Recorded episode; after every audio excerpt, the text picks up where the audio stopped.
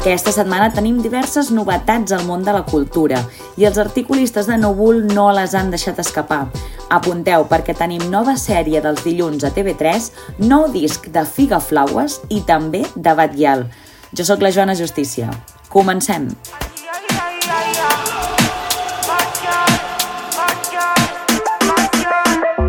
Cada vez que entro al club ponen algo mío y suena tan duro. Així comença el disc de la cantant Bat Gial, titulat La Joya, que no sé què en fareu vosaltres amb ell, però per mi serà la banda sonora de les pròximes setmanes. Aquest es tracta del quart àlbum de la cantant de Vilassar de Mar. El primer disc el va publicar el 2016, quan en general no parlàvem gaire de trap, de feminisme ni de Batguial. En aquest sentit, Anna Pérez ha publicat un article molt interessant a Núvol que es titula Com escrivim sobre Batguial, on analitza el tractament que diferents mitjans de comunicació han fet sobre l'artista. Ahora me toca.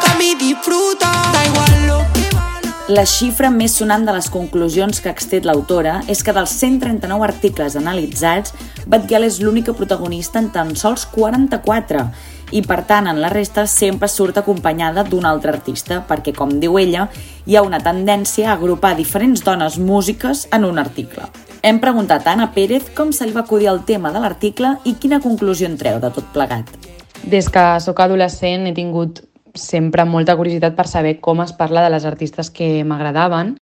Crec que falta moltíssima informació sobre com es parla de les dones en la música urbana dels últims 10 anys i també crec que és un moment molt crític pel periodisme cultural i pel periodisme musical i pateixo per com es desenvoluparà en un futur. I continuem parlant d'estrenes i ho fem amb clau televisiva, ja que TV3 ha estrenat una nova sèrie. Sí? Tu em podries deixar mil pavos per volar a Canadà? Que te'ls deixin els teus pares. Quant de temps? Què fas per aquí? Doncs mira, m'he perdut. Jo mai mai és la nova sèrie dels dilluns a la nit, que tracta sobre un grup de joves que passen l'estiu a un casal, on tindran com a monitora la Mai, interpretada per l'actriu Clàudia Riera, i que és una noia esbojarrada que es veu obligada a treballar a la casa de colònies dels seus pares. En Joan Bordeus i la Indicatiu han opinat sobre la sèrie. Per una banda, Joan Bordeus ha escrit «Jo mai mai sap el que fa», on valora que els diàlegs de la sèrie es mantinguin sempre en català, cosa que havia criticat d'Això no Suècia. Tot i això, fa crítiques com la següent, on diu «No havien passat ni dos minuts abans de la primera escena de sexe i la Mai ja estava dient «Però és que jo t'estimo» i només era un polvo per fer-se perdonar d'unes semibanyes. I et senties a la llar, dolça llar de la sèrie de prime time dels dilluns, però afegeix a continuació. Són els menors de 18 anys més ben escrits que he vist a TV3 en moltíssim temps i no ha calgut inventar la roda.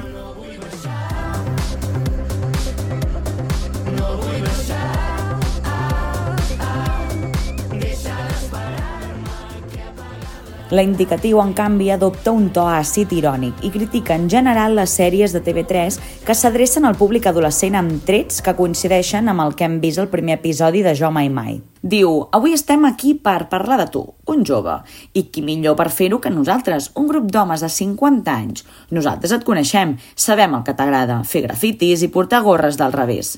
També t'agrada escoltar rap i anar més skate. És possible que t'estiguem confonent amb els animals que protagonitzen els anuncis dels batuts de Poleva. El cas és que t'entenem i per això hem decidit fer-te una sèrie. Hem preguntat a l'autora per què ho considera un problema.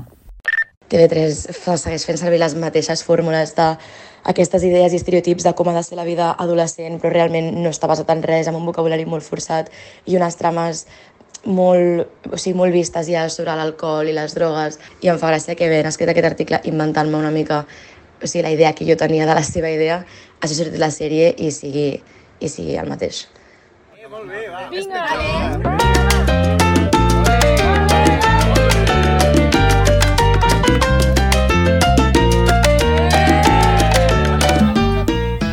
També aquesta setmana, Jaume Forés ha entrevistat la il·lustradora Jenny Espinosa, que acaba de publicar Tauró Blanc, editat per Finestres Sapristi.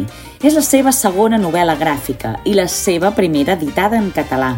La conversa permet conèixer els orígens d'aquesta il·lustradora, que ha viscut a cavall entre Badalona, Londres i Barcelona, i que es va iniciar amb el món dels fanzine i ara publica el seu segon còmic. Como molt poc la coneixen i han tastat del seu gust tan apetecible. Mar i muntanya per trobar-la val la pena que perible. A l'entrevista, l'artista fa una reflexió interessant sobre l'actual boom de la il·lustració. Diu, quan es van començar a publicar molts llibres feministes, hi havia gent que deia que ja n'hi havia masses i que allò era màrqueting. Per a mi no n'hi ha mai massa i, sobretot, mai no hi ha massa autoria nacional. Cal donar canya al talent que tenim i gaudir-ne, perquè a vegades desmereixem les coses que són locals en favor de les que venen de fora, que també són boníssimes, però que fan que ens perdem la proximitat. Com que l'entrevista es titula El còmic és un mitjà alliberador, li hem preguntat com d'alliberador ha estat la publicació de Tauró Blanc. I de passada, Jenny Espinosa ens cita l'1 de febrer a la llibreria Finestres. Escoltem-la. Tant com qui llegeix còmic com qui el fa, penso que coincideix en que el còmic és llibertat. És el mateix que va sentir jo quan estava fent el meu darrer còmic, Tauró Blanc, tant en el procés de creació com després parlant amb els editors i a l'hora de publicar. No? Penso que d'això en podrem parlar a la meva propera presentació del dia 1 de febrer a la llibreria Finestres. Ja sabeu, apunteu a l'agenda. I ara parlem de teatre, perquè Oriol Puigtauler ha assistit al segon cap de setmana del cicle Catarsis, que, com explica, va tornar a omplir el lliure de Montjuïc de propostes de teatre sense teatre, teatre que no sembla teatre i similars. Ell va assistir a tres peces teatrals, que eren Munt Average, Algo tendremos que hacer i Saitons más Déu, Hola i adeu. Poso un exemple d'aquest teatre raro del qual parla, on fa referència a la interpretació de l'actor belga Picho Womba Conga a l'obra Moon Average. Cobert per una mena de fang entre blavós i morat, ens dona la benvinguda mentre va jugant amb el fang fresc, creant màscares efímeres sobre el seu rostre i esdevenint un ésser mutant, i alhora inquietant, ens pregunta sobre el futur, les nostres pors o l'essència de la natura, i les seves respostes són una mena de síntesi d'allò que vol explicar l'espectacle. Hem preguntat a l'autor quina de les tres propostes el van impactar més i de passada ha llançat una pregunta a Julio Manrique, qui s'estrena com a director del Teatre Lliure el pròxim 1 de febrer. Jo destacaria Mount Average. Aquesta producció belga parla de colonialisme, poder i història, i ho fa amb la forma d'una instal·lació escènica, fent que l'espectador formi part d'una cadena de muntatge. A Julio Manrique, flamant nou director del Teatre Lliure, li demanaria no tant que mantingui el cicle catarsis, però sí que la creació contemporània més arriscada, més híbrida, mantingui un espai durant tota la programació de l'any, no només en un cicle. Per tant, Julio, què ens has de dir? Ens faràs cas?